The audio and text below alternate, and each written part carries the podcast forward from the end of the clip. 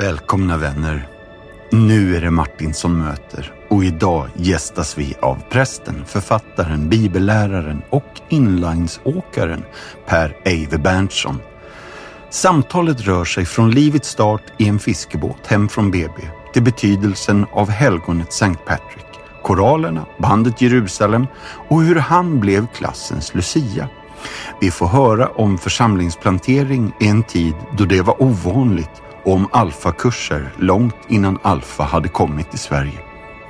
Budskapet i Per Eives senaste bok, Kraftfulla rötter som ger hopp, har blivit en brinnande passion och han talar sig varm för att förvandling är möjlig även idag och i vårt land. Per Eive och hans fru Kerstin är själva compassionfaddrar till en liten kille och orsaken är enkel. Jag vill leva som jag lär.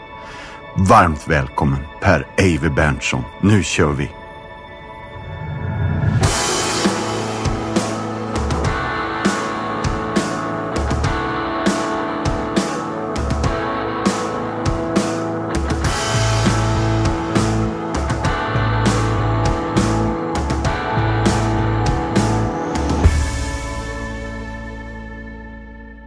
Hörni alla Martin som mötegäster. Jag har redan hälsat er välkomna, men det är min stora ära, glädje och ynnest att säga Per Eive Berntsson, välkommen till Martin som möter.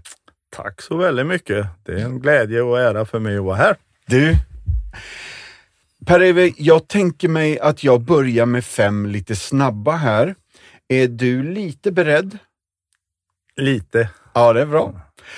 Om du kunde vinna en olympisk medalj för någon sport, en riktig eller en hittepåsport, vilken skulle det vara? Alltså mina stora nörd, eller idrottsintresse just det, det är ju längdskidåkning nu och fotboll. Så att det Aha. hade nog varit fotboll, OS står inte så högt, så det hade nog varit eh, fem milen på på OS kanske i, i längdskidåkning. Det tror jag. Ja, visst. Och jag som trodde att du skulle säga hockey. Nej, alltså jag spelade ju hockey i min ungdom, men jag, inte, nej, inte, inte, jag, jag tyckte lite grann att hockeyn blev fördärvad på 70-talet. Det blev lite i slutet av 70-talet. Det blev lite för mycket grishockey över det hela tyckte jag. ja. Två. Vad är det mest pinsamma du har varit tvungen att klä på dig? Nej, men... Nå, utklädningskläder eller din mamma tvingar dig att ha någon stickig kofta eller? Ja, min mamma hon, hon hade för mig när jag var liten, kanske i åtta, nio år, så jag skulle ha någon löjlig hatt på mig och den skämdes jag mycket för. Det var nog någon sån här kosackaktig mössa av något slag tror jag. Det, och det du? Ja, det, det var ingen hit. Nej. Jag hör det. Om du kunde tillbringa en dag i någon annans skor, vems dojor skulle det bli? Ja, vad ska jag säga om det?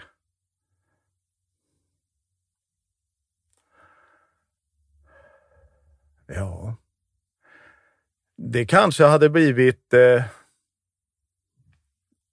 St. Patrick som jag har skrivit en bok eller ett par böcker om faktiskt. Ja. Eh, så.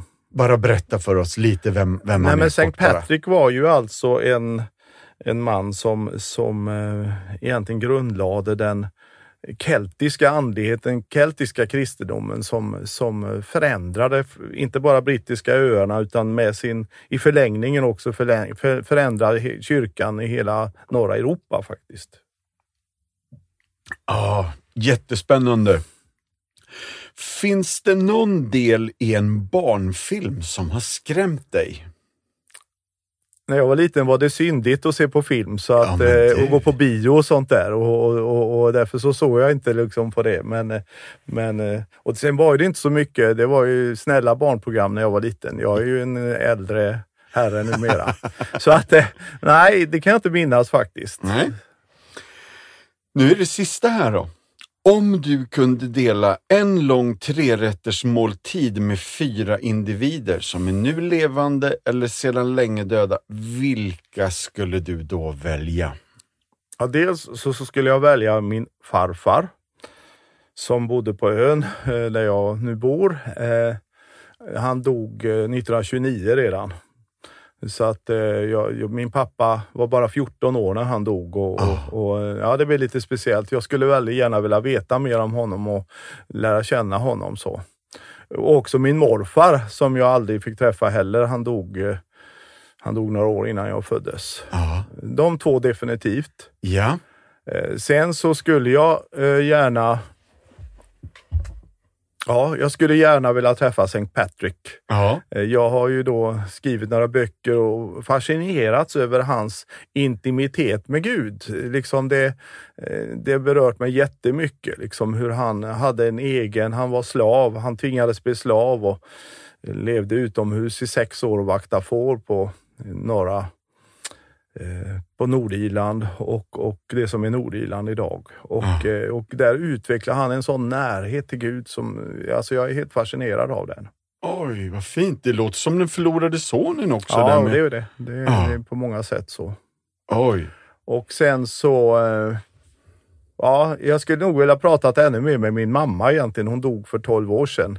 Och jag, det gick lite hast, alltså hon var ju klar till sista Mm.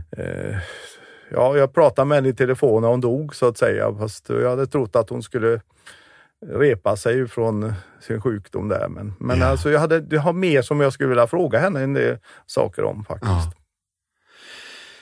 Morfar, farfar, mamma och, Och St. Patrick. Vilket gäng alltså. Jag sku, skulle jag haft någon annan skulle det möjligtvis vara Paulus då. Liksom, som, Ja. eh, men okej. Underbart. Du, den 19 mars 1956, vad händer då? Ja, jag minns inte så mycket men jag föddes då den dagen. Japp. Var någonstans? Ja, faktiskt in på Mölndals sjukhus. Eh, Det var så här att, att det var isvinter på den tiden och mamma fick åka in med bil över, över isen eh, ett par veckor innan, kanske månader innan och bodde hos mormor. Ja. Men sen då efter att jag hade fötts, då hade, då, då hade vattnet gått upp, eller isen gått upp ska jag säga. Och jag åkte faktiskt den enda gången i mitt liv så åkte jag med min pappas fiskebåt för han slutade fisket efter, efter i, samband, i princip eh, när jag hade fötts. ja. Så det var enda gången jag åkte hans båt mm, Just det. hem till ön. Ha. Källövägen 20. Ja, Där är det. där, och där, där har vi då flyttat in i, i, i det här gamla släkthuset. Ja. Min familj har alltså bott på, på ön, min släkt har bott på ön mm, i 200 år och huset är 150 år gammalt. Ja. Så Jag det är lite förstått perspektiv detta. det. Ja, det var någon som sa 1860, men det räcker inte då. Nej, 150 år i år är. Ja, otroligt. Oj, vad häftigt. Eh, Men du, eh, Knippla är väl inte jättestort? Ja, det är ju bara en, Källö Knippla är ju alltså två öar som har vuxit ihop och eh, sammanlagt är ju längden bara en och en halv kilometer. Men det går ändå bra att köra inlines där. Ja, det går bra. Eh, Jag har lite ont i knät så det inte går. Jag vågar faktiskt inte, numera vågar jag inte köra i de backiga delen. Nej, för det, men det är du- otroliga backar. Men på, Ja. på de släta ytorna försöker jag åka lite grann som en sjöstjärna och, och får ihop några kilometer då. Skulle du säga att du, du kommer egentligen aldrig sent va? Du är i tid. Vad du pratar jag, jag är, ja, jag brukar vara i tid men- det är sekunder på håret Ja. jag klarar det liksom. Ja, och då vill jag fråga, stämmer den här historien? En högstadiekille från Knippla som ska till Öckerö och så ser han färjan i fönstret. Då tar han på sig skorna, springer ner och så hinner han på färjan precis när bommen fäller ner. Helt korrekt. Min, det var min hög, jag gick ju tre år i skola på, på eh, Öckerö och ehm, då, då såg jag färjan i fönstret och så sprang jag. Det går inte att springa så länge, de har satt upp staket mellan husen. Så nu Ja. går det inte så. Skulle, sa min, jag skulle missa färjan varje morgon nu om jag hade sprungit den väg som finns idag. Liksom. Men, Mm. Eh, nej, så var det och och jag missade nog bara färjan en eller två gånger på tre år. Men jag, många gånger, flera gånger fick jag liksom eh, krypa under bommen och så hoppa över lämmen för att hinna. Men jag brukar hinna. Jättegött. Men du, eh, uppväxt i en kristen familj. Mm. Ja. Men när du var 17 så tror jag att det hände dig något som liksom märkte dig. man kan väl säga så här att jag eh, växte upp och hade gett fantastiskt kärleksfulla, fina föräldrar. Och, eh, min, min liksom uppväxt då med tron, med söndagsskola och pojkgrupp, så det hette, det var jättebra. Men när jag kom i tonåren så var det andra saker som lockade. Det var fotboll och det var vackra flickor och det ena med det andra. Och, och, och och vi hade en jättefin gemenskap på knippe. Jag, tyckte, och jag känner ju dem, umgås med dem fortfarande, jättefina människor. Men eh, när jag var i den åldern så kom jag upp, fick jag hänga med brorsan upp till Dalarna, till Siljansnäs och, och där träffade jag kristna ungdomar i min ålder. Det hade jag faktiskt aldrig gjort innan på det sättet och var med dem i en vecka. Och det förändrade mitt liv. Alltså jag, det var en dimension till som jag inte aldrig hade upplevt innan, där Jesus på något sätt fanns närvarande i deras liksom, gemenskap. Ja. Och det förändrade mitt liv för aldrig. Inget, inget har betytt mer för mig liksom än den jag bad så här Jesus, nu vill jag inte bara tro på dig, hjälp mig att leva som du vill. Ja. Det, det, så, så var det på något sätt. Ah. Åh, vad spännande. Alltså, nu är vi rakt in i massa, massa goa grejer, men jag förstod att det är Koralerna spelade på Björngårdsvillan. Eh, Jerusalem startade någonstans i den här vevan och Ingmar Olssons sång Helhjärtat har nästan varit någonting som är signifikativt för ditt liv va? Jag är nog sån, ja, att det jag gör, det gör jag helhjärtat. Det ja. tror jag. Och det är viktigt för mig med sanningen och att vara äkta, att vara sann i, i det jag gör. Ja. Du har prickat det ganska bra faktiskt, tycker ja. jag, i olika faser. De, precis när jag lärde känna Herren så på allvar så var det koralernas skiva som betyder jättemycket. Liv, liv, liv. Jesus lever och han ger mig liv. Mm. Eh, sen, sen eh, som sagt betydde Ingmar Olsson där några år väldigt mycket när jag gick gymnasiet och, och gjorde lumpen. Men, men sen så hade jag precis börjat jobba och, och skaffa, jag träffade Ulf eh, Kristiansson för inte så länge sedan. och berättade just för honom att, eh, att den Jerusalems etta, det är den bästa skiva jag någonsin har tyckt jag, ja, det var den bästa skiva jag hört. Den, den, eh, jag lyssnade först igenom den och tyckte, nej det var ingenting. Liksom. Men sen så var det en, en fras som jag liksom hörde och så spelade jag den och sen var jag såld. Jag har spelat den hur mycket som helst. Och jag, det betydde så mycket för, för unga människor när Jerusalem bröt fram där. Oh. Eh, som gav dem en slags frimodighet och stolthet att vara kristen och sådär. Så det, nej, den betyder mycket. Åh, vad fränt. Du, eh, alltså när man pratar om dig så tror jag att det står eh, präst, författare och bibellärare. Ja, jag, jag jobbar ju alltså då eh, i EFS, Evangeliska Fosterlandsstiftelsen, som är en eh, väckelserörelse eller fri rörelse inom Svenska kyrkan. Och det innebär ja. att jag kan både titulera som pastor och präst, så kan man säga. Sen har jag då jobbat som bibellärare i 14 år på, på bibelskolan som vi drev. Ja. Och eh, författare vill jag inte ja, det skrev jag faktiskt därför att jag, jag ordnade en egen sida på Facebook och eh, för att få en liksom specialsida var man tvungen att ha en viss kategori och, och då var författare det enda som gjorde att jag kunde få det att funka. Men visst, jag har skrivit några böcker. Det har jag gjort fem, ja, sex du, Det här låter väldigt blygsamt. Nu sa du siffran, fem, sex böcker. Jag tror att efter sin tredje bok så får man kalla sig författare ja. och efter sin sjätte bok så ska man inte vara så blygsam. Men du, vi kommer att återkomma till din bok, jag lovar. Men eh, vi behöver göra en liten rundtur. Eh, Lundbygymnasiet 1975, stämmer det? Jag gick ut eh, gymnasiet här i Lundbygymnasiet eh, som inte ligger så långt ifrån där vi spelar in det här. Nej, verkligen. Och eh, nu är det rivet, men det var, det var en spännande tid. Problemet var att problemet var att jag egentligen borde ägnat mer tid åt, äh, åt studierna. Men just det här att om man, om man bott då på, ute i skärgården och på en liten ö och sen gjorde jag gick jag högstadiet på en annan ö och, och, hela sitt liv och så sen kommer in till den stora staden Göteborg så är det så mycket annat som är så spännande att upptäcka. Jag så. Så, så, kan man säga. Ja. Men du, eh, kan inte du bara berätta, vem var klassens Lucia? ja, ja, på den tiden så, så hade jag ett ljust, eh, långt, riktigt blont hår och eh, Eh, inte som nu råttfärgat liksom. Utan och då, då, då blev jag faktiskt vald till klassens Lucia. Ja.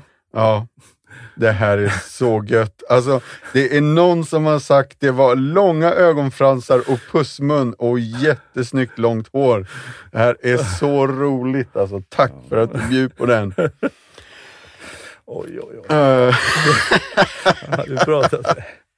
Hagabergs folkhögskola, 76-78 va? Mm. Mm. Så var det. Jag, eh, nej men alltså, efter, efter att jag hade varit där uppe i Dalarna så först blev jag engagerad i, i söndagsskolan hemma på ön. För jag var Ah. den en av de få under 60 år och, och Mm. började spela gitarr där och så. Eh, och inom parentes, det är lite kul för vi ska göra en sån här reunion ju eh, med söndagsskolträff för alla före detta söndagsskoleelever. Ja. Eh, planerade igår för övrigt, ut på Knippra. ja. Men okej, då, då engagerar jag mig på allt möjligt. Det, det brann inom mig att jag ville att hela världen skulle få veta vem Jesus var. Och jag Ja. hade bestämt mig för då att jag skulle utbilda mig som ungdomsledare eller ungdomsinstruktör som det hette. Så då gick jag där i två år. Ja. Eh, och i den här vevan så tror jag du träffar Kerstin i Långedrag och du är, det är lumpen och det är K4 va? Och det var någon Lulebo som var kristen och ni hamnade på någon födelsedagsfest.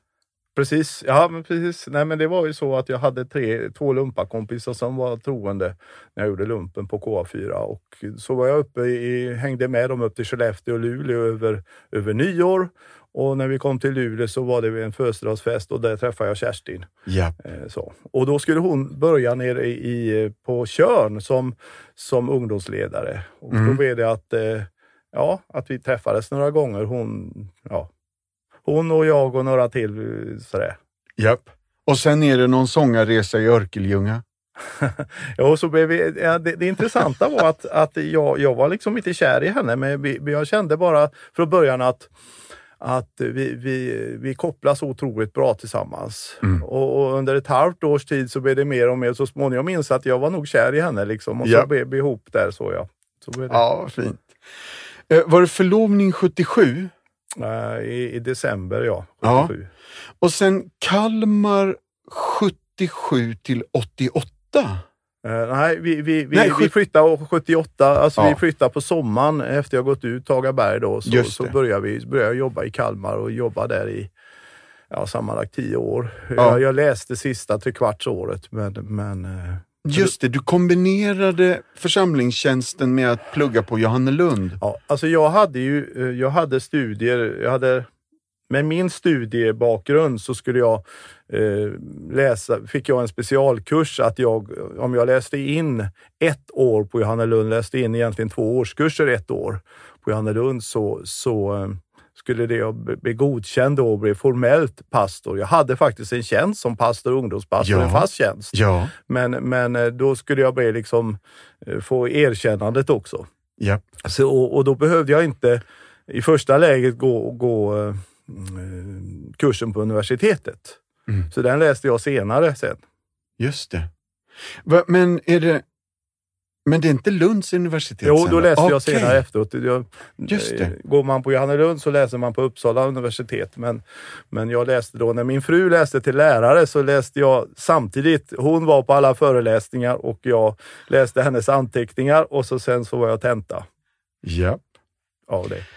Bra jobbat, för i den här vevan så tror jag att det är Eva, Peter och Marie som föds. Ja, alltså Marie och eh, Eva, då den äldsta, de föddes i Kalmar. Ja. Och eh, sen då så flyttade vi till Halmstad och där föddes Peter, Ja, 88. just det. Och det här, nu är vi, det här tycker jag är jättespännande, för nu har du då blivit vad heter ordinerad som ja, präst ja, i ja, EFS? Det hette pastor på den tiden, Okej. men, men eh, jag blev prästvig ett par, tre år senare. Men Ja, det var liksom mest bara en... Ja, för, för mig var det lite mer en liten extra ja. möjlighet liksom. Och, och så. Ja. Ja. Men, men 88 någonstans, är det då ni flyttar till Halmstad? Ja, det är en väldigt fantastisk, en väldigt spännande story därför att 87 redan, så, så i mars så går jag hem från en ungdomssamling och upplever att Gud säger till att nu ska du flytta, nu ska ni flytta till en större stad på västkusten Ja. och starta upp en EFS-församling där. Ja. Och det var ju alltså på den tiden när man Alltså på den tiden startades inga nya församlingar i något samfund eller så. Jag fick höra i efterhand att Alliansmissionen hade startat några och att Stanley Sjöberg hade startat eh, Centrumkyrkan. Men för övrigt visste jag inte någonting. Jag visste bara Stanley stod där och så Ja. hade jag en nöd att vi behöver starta nytt.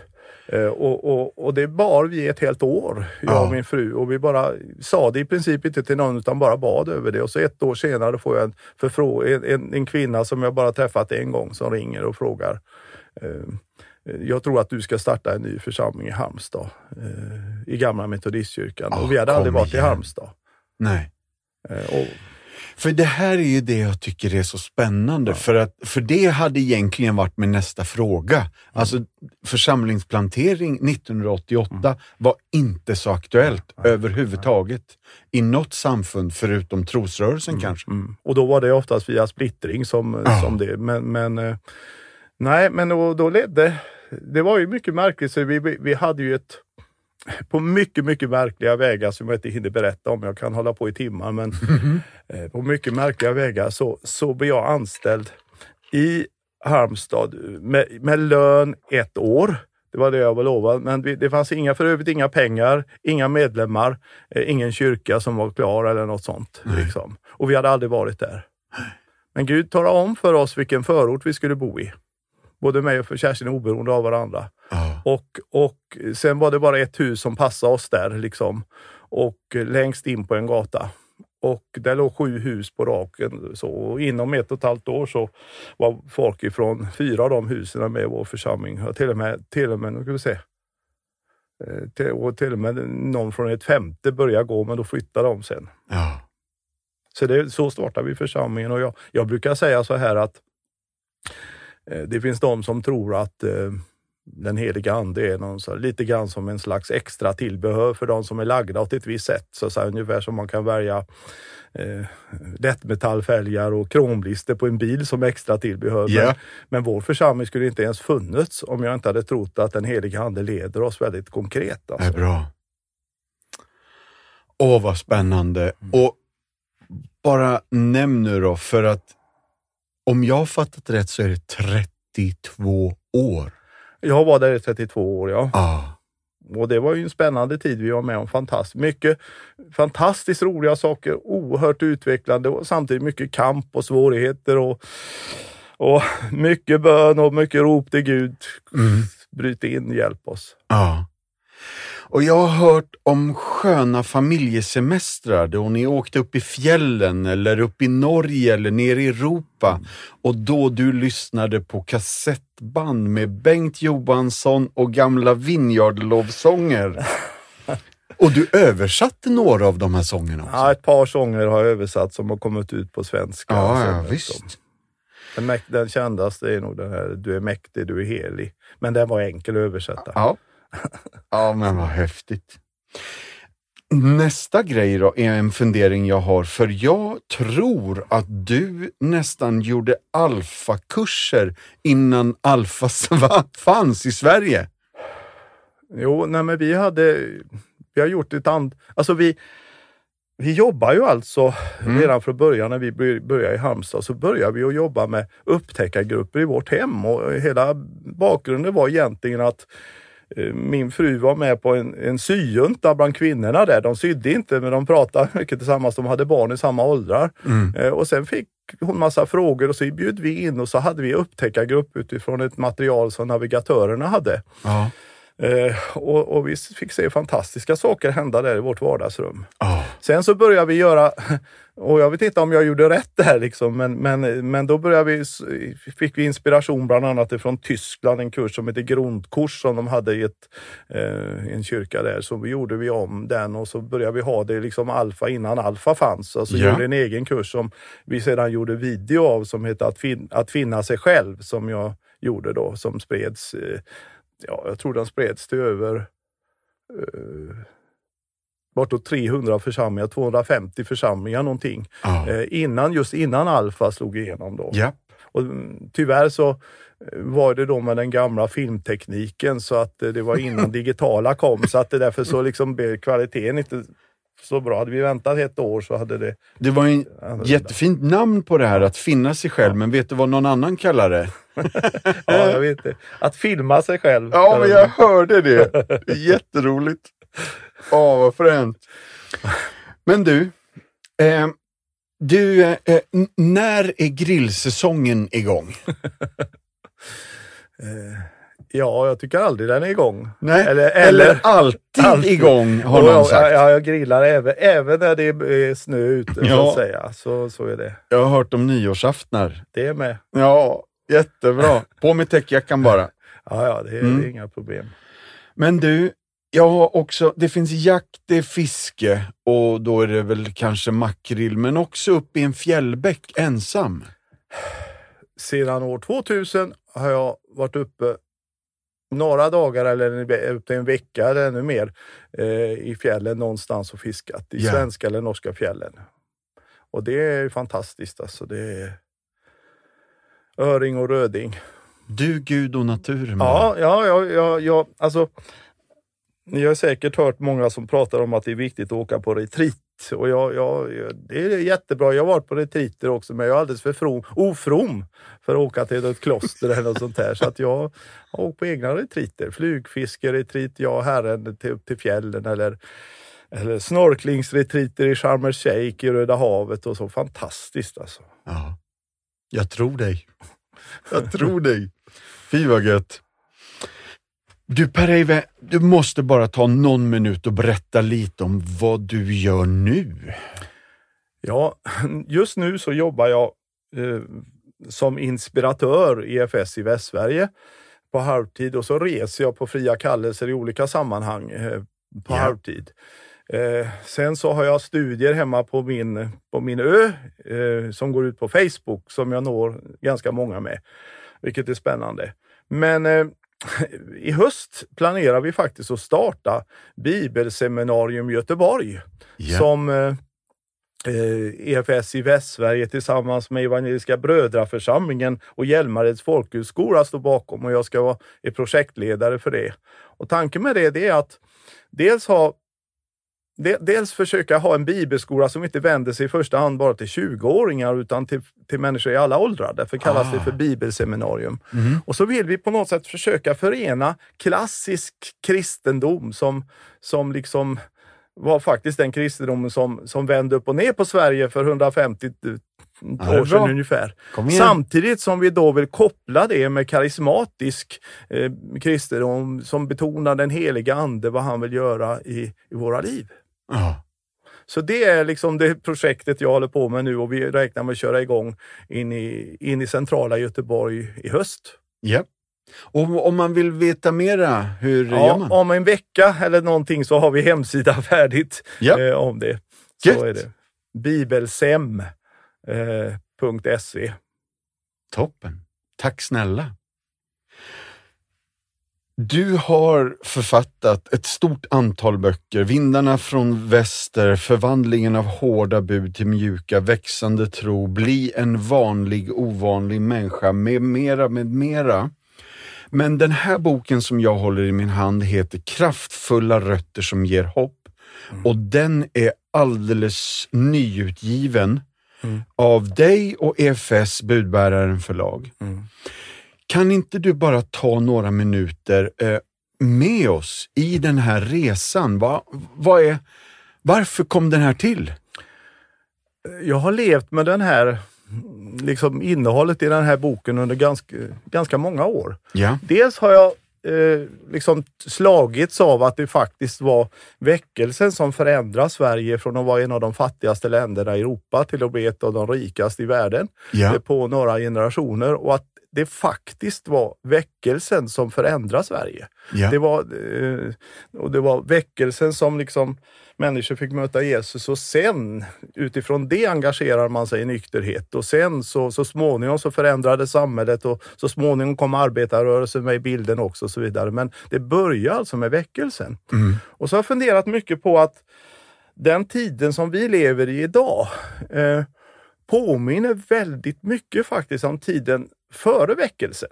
Eh, alltså 10, 20, 30 år innan folkväckelsen bröt igenom. Ja. Eh, på gott och ont. Eh, vad det gäller levnadsstandard och teknik och så, så är det inga likheter. Medan, medan hur människor hade det på insidan, hur de upplevde sin situation, hur det andliga läget var i Sverige, på gott och ont, Mm. eh, är det väldigt mycket likheter. Och så har jag då funderat en del. Är det så? Jag säger inte att det blir väckelse, men jag säger, är det så att Gud är på väg att göra någonting nytt i vår tid? För det är ju så att väckelse, Gud har sänt väckelsevågor gång på gång och de har kommit oväntat. Men ändå så har han liksom visat att han överger inte sitt folk. Nej. Och då har jag då framförallt målar upp eh, några personer, i första hand fyra, fem personer som, som på något sätt var bärare av väckelsens DNA-kod. Som, som på något sätt, de hade, väckelsen fanns där redan innan folkväckelsen slog, bröt igenom då på mitten på 1840-talet. Eh, Och jag beskriver de personerna, jag beskriver eh, liksom vad som kännetecknade dem, för det finns en gemensam liksom touch, en gemensamt budskap också de hade. Eh, och så sen så handlar det lite grann om, också om, om att eh, bakom de här personerna, som faktiskt inte var så många, så fanns det bedjare som bad för de här personerna så att de personerna blev det de de blev. Ja. Och det är ju många bitar. En, en av bitarna är ju att det faktiskt inte var så många. Så Gud, vi kan lätt tro att helt plötsligt så sänder Gud en slags atmosfär och så är det ett land som upplever en väckelse. Men istället är det att Gud reser upp enskilda människor som är lydiga och trogna det Gud kallar dem. Ja. Eh, och, och, och, så det är det ena. Och sen var det budskapet om predikan var något annat. Eh, men, men, men sen då så mynnade det ut i på något sätt då att, att eh, eh där väckelsen en gång har gått fram, där tenderar den att återkomma gång på gång. Jag har sex olika exempel på liksom olika platser. Liksom, som är, det är mycket, mar- mycket märkliga saker som har hänt på de platserna. För att där väckelsen en gång gått fram så har den tendens att återkomma gång på gång. Ah. Och, och eh, så slutar boken då i, i en ut, utmaning, en uppmaning till bön. Och, och jag tror att eh, huvudbiten för oss kristna, det är inte i första hand att be om väckelse, för Gud tror jag vill väckelse, utan, utan det är att, att vi går tillbaks och på något sätt söker Gud och frågar vad var det vi som kyrka gjorde, som försam, församlingar gjorde så att väckelsen en gång stannade av. Och, och, du kan läsa i, i, i Bibeln, inte minst då Gamla Testamentet, Moses, Abraham, Jeremia, Nehemja, alla personer som på något sätt ställer sig i gapet och, och, och på något sätt inte pratar om att de har syndat, utan Herre, vi har syndat. Ja. Förlåt oss så att Gud återigen kan komma med sin välsignelse. Och Det tror jag är liksom hemligheten också om vi ska se någonting hända i Sverige. Ja. Åh, vad spännande! Och på bara några månader som den här har varit ute, nu är det snart dags för nytryck här. Jag hoppas det. Ja. Nej, men jag, jag har, det, här, det här är liksom en det är en passion, det är någonting som har tagit tag i mig jättestarkt och, och jag upplevde verkligen hur Gud ledde mig till olika personer när jag skrev den här boken och fick ta på olika böcker och det ena med det andra. Och, så, så jag har levt med det här nu ett tag, liksom, Ja. som en börda på något sätt. Ja, och jag vet att varje bok måste väl säkert vara som en liten förlossning ändå. Men jag har hört att det här brinner till lite extra i dig. Mm. Jo, det är helt klart så. Det är Det är så? helt klart så. Ja. Ja, kraftfulla rötter som ger hopp. Du, Per Eive, jag skulle bara vilja ta några minuter och berätta lite om Compassions arbete i fält och sen tar vi och fortsätter vårt samtal här då. Michelle är uppväxt i extrem fattigdom och som barn bodde hon i ett skjul tillsammans med 17 släktingar i Manila, Filippinerna. Hennes pappa var drogberoende och övergav familjen och hon såg sina barndomsvänner säljas i prostitution och människohandel och våldtäkt var vanligt förekommande. Michelle fick höra från sina släktingar, du är så ful och du ser ut som din pappa. Du kommer att bli en drogberoende tjuv när du växer upp. Det var orden jag hörde från dem som jag förväntades älska och de som skulle beskydda mig. Min morbror började röra vid mig på mina privata delar på kroppen och jag tänkte att det här får ju inte hända. Och det här fick mig att skämmas för den jag var. Men en söndag morgon så kom min moster Carol och väckte mig tidigt. Hon var den enda kristna som jag kände då. Hon sa att vi behövde gå till kyrkan och registrera mig i Compassion-programmet. Jag minns att jag blev det 37 barnet i det Compassion-centret. Jag började då få brev från min fadder som skrev till mig och sa ”Michel, du är vacker och du är dyrbar för oss och vi är stolta över dig och vi ber för dig och vi älskar dig. De här orden rörde vid djupet av mitt hjärta och min själ och mitt liv blev förvandlat. Mitt namn är Michelle och en god handling räddade mitt liv. Valet är ditt. Bli fadder i Compassion idag och hjälp ett barn att bli fri från fattigdom i Jesu namn.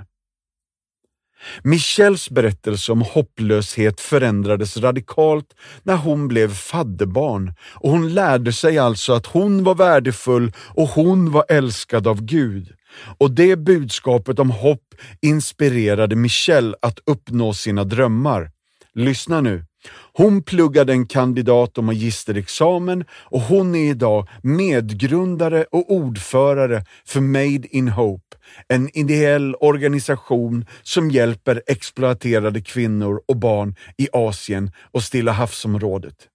Hon är värd för ett radioprogram som nu når en halv miljon människor varje vecka hon utvecklar unga ledare och är talare och förespråkare för kvinnor och barn i riskzonen. Hon bor i Manila, sitter i ledningsgruppen för Compassions Internationals utvecklingsprogram och hon sitter även med i ledningsgruppen för Lausanne-rörelsen. Så min enkla men tydliga vädjan är vill du hjälpa en tjej som Michelle att växa upp och fullständigt komma loss ifrån fattigdom genom Compassions arbete? Vi är en fadderbarnsorganisation som har funnits i snart 70 år och vi hjälper 2,2 miljoner fadderbarn i 25 länder. Vårt uppdrag hittar du i Markusevangeliet 16 och 15. Gå ut i hela världen och predika evangelium för hela skapelsen. Som svar på missionsbefallningen existerar vi som en förespråkare för barn i nöd, för att frigöra dem från andlig, ekonomisk, social och fysisk fattigdom. Vi vill vädja till dig att du tillsammans med oss kan förvandla liv och för 310 kronor i månaden kan du bli fadder. Gå in på www.compassion.se och bli fadder idag.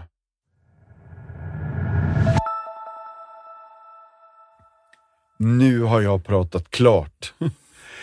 Jag lämnar frågan helt öppen. Vad tänker du Per-Eive? Jag tänker väldigt mycket till och från. Vad det gäller på det som du berättar om just nu så känns det ju jätteviktigt att, eh, att lyfta fram det som jag för, försökte få fram i boken bland annat. Bra. Hur, eh, hur faktiskt eh, evangelisk kristendom, när människor får möta Jesus, hur det förvandlar i förlängningen hela vårt land. Ja. Eh, och det går ju inte att förneka på något sätt, utan det, det, det, det var ju faktiskt så. Eh, sen så, så, tror jag vi ska vara mycket frimodiga som kyrkor, för jag tror att vi kan göra så otroligt mycket. Ja. Och det är det här jag känner är liksom kraften, alltså ett av våra eh, länder är Uganda. Mm. Och en av de största kyrkofamiljerna i världen beslöt sig för kanske 11-12 år sedan att storsatsa på Uganda. Nu så kommer regeringen och säger vårt land är förvandlat på mm. grund av det ni gör. Mm. Ert arbete påverkar mm. infrastruktur, den, den sociala liksom, eh, sammanhanget. Eh, byar och städer mm. förändras. Och det är det här jag på något sätt, här finns en sprängkraft Mm. inneboende i detta som du på något sätt tappar in på i din bok. Mm. Ja. Nej, men det, det, jag tror det är... jag råkade läsa i morse ett exempel jag hade. Jag, jag spelade tennis under eh, rätt många år med två bröder. Och de var ju bättre än mig, helt klart. Men med tiden när vi har spelat ett tag så en av bröderna, eh, jag, det hände att jag till och med kunde vinna. Vi spelade jämnt ibland. Ibland vann han med 6-1 ett set, men i, någon enstaka gång kunde jag vinna med 6-5 eller något över honom. Medan den andra brodern hade jag inte en chans. Han sopade banan med mig varje gång. Men sen så bytte jag. Jag, spelar, jag är ganska offensiv annars, men jag spelar väldigt defensiv tennis. Och så bytte jag taktik. Att istället för att jag liksom eh, spelade defensivt mot honom så gick jag på. Alltså det var jag som blev offensiv. Ja. Han lyckas, lyckas få bollarna så att de slickar linjerna hela tiden. Och det som hände var att de sista åren hade jag plusstatistik mot den här killen. Ja. Eh, ja, han hade sopat banan varenda en gång innan. Eh, och det var inte det att jag hade blivit bättre för mot den andra killen spelade jag likadant så att säga. Va? Utan det var att jag bytte taktik. Och där är lite grann att jag tror att kristendom fungerar bara när den är offensiv. Kristendom fungerar bara liksom när vi eh, på något sätt eh, förstår att vi har världens bästa budskap. Vi har världens, världen behöver få veta vem Jesus är Ja. då fungerar kristendom, annars fungerar det inte. Då är vi bara på, vi bara efterapar samhället och vi, vi liksom blir svans, vi, vi, vi blir svans istället för att vara huvud som det talas om i Bibeln. Ja. Och det här växelverkan mellan utgivande och upplyftande, att vi sträcker oss mot Gud men också mot människor. Det låter som den här kombinationen är nyckeln. Ja, ja visst. visst. Ja. Det har ju då Klara kyrka visat väldigt påtagligt i Stockholm då som Karl-Erik Salberg som var vän till mig, han uttryckte det så här att vill du, vill du nå de rika når du ingen, men, men når du, vill du nå de fattiga, bry dig om de som har det tufft så når du både rika och fattiga.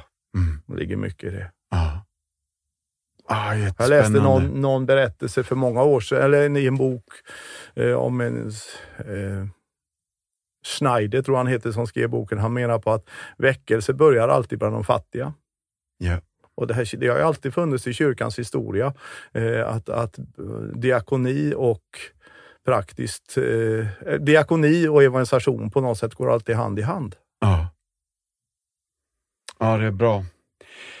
Du, jag vet att ni är faddrar. Ja, jag,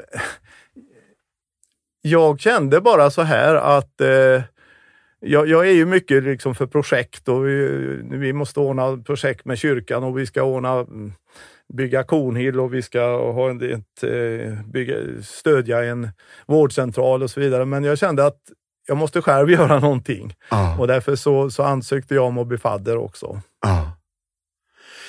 Är det något du kan rekommendera till andra? Nej, men jag tror det är en konkret sätt att göra någonting. Eh, Det, det är det jag känner. Ja. Eh, Och det är en liten kille jag brukar be för varje dag. Då. Han är sju år och bor på en ö i, i Mellanamerika. Ja. Eh, Och, och då blir det ändå konkret så här. Så att, att jag tror att vi- vissa människor är väldigt, det handlar om de är så här hjärte, de berörs av sitt hjärta av enskilda människor och då är det väldigt konkret med en fadder. Andra är mer att de vill göra någonting stora projekt som förändrar. Liksom, och det, man ska inte eh, sätta det ena mot det andra, men jag är lite mycket, mycket av den här senare typen. Men jag inser att jag, jag skulle må bra av att också göra något konkret. ja. Så, så, så därför så, så har jag valt att stödja den här killen då. Ja. Åh, vad fint. Du, nu ska vi gå ner för landning och eh, jag vill bara säga tack snälla för allt du har gjort och gör. För Guds rike i landet genom förkunnelse, undervisning, översätta lovsånger, eh, församlingsplantering i en tid då inte många eh, satsade sina kort på det. Och du har varit en pionjär i så många områden och på så många sätt. Och det är så spännande att du jobbar med det du gör nu och har gett ut den här boken och kom till Martinsson möter idag. Tack snälla Per Eive. Tack! Kul att vara här. Slut för idag och tack för idag allihopa. Vill du veta mer om det som har pratats om i podden så har vi något på vår hemsida som heter Show Notes. Där kan du se alla länkar till sånt vi pratar om när vi refererar till en film eller en bok eller en sång. Då finns de länkarna där, så gå in på compassion.se så hittar du helt enkelt massa extra material. Tack, ha det bra, bye bye, hej då!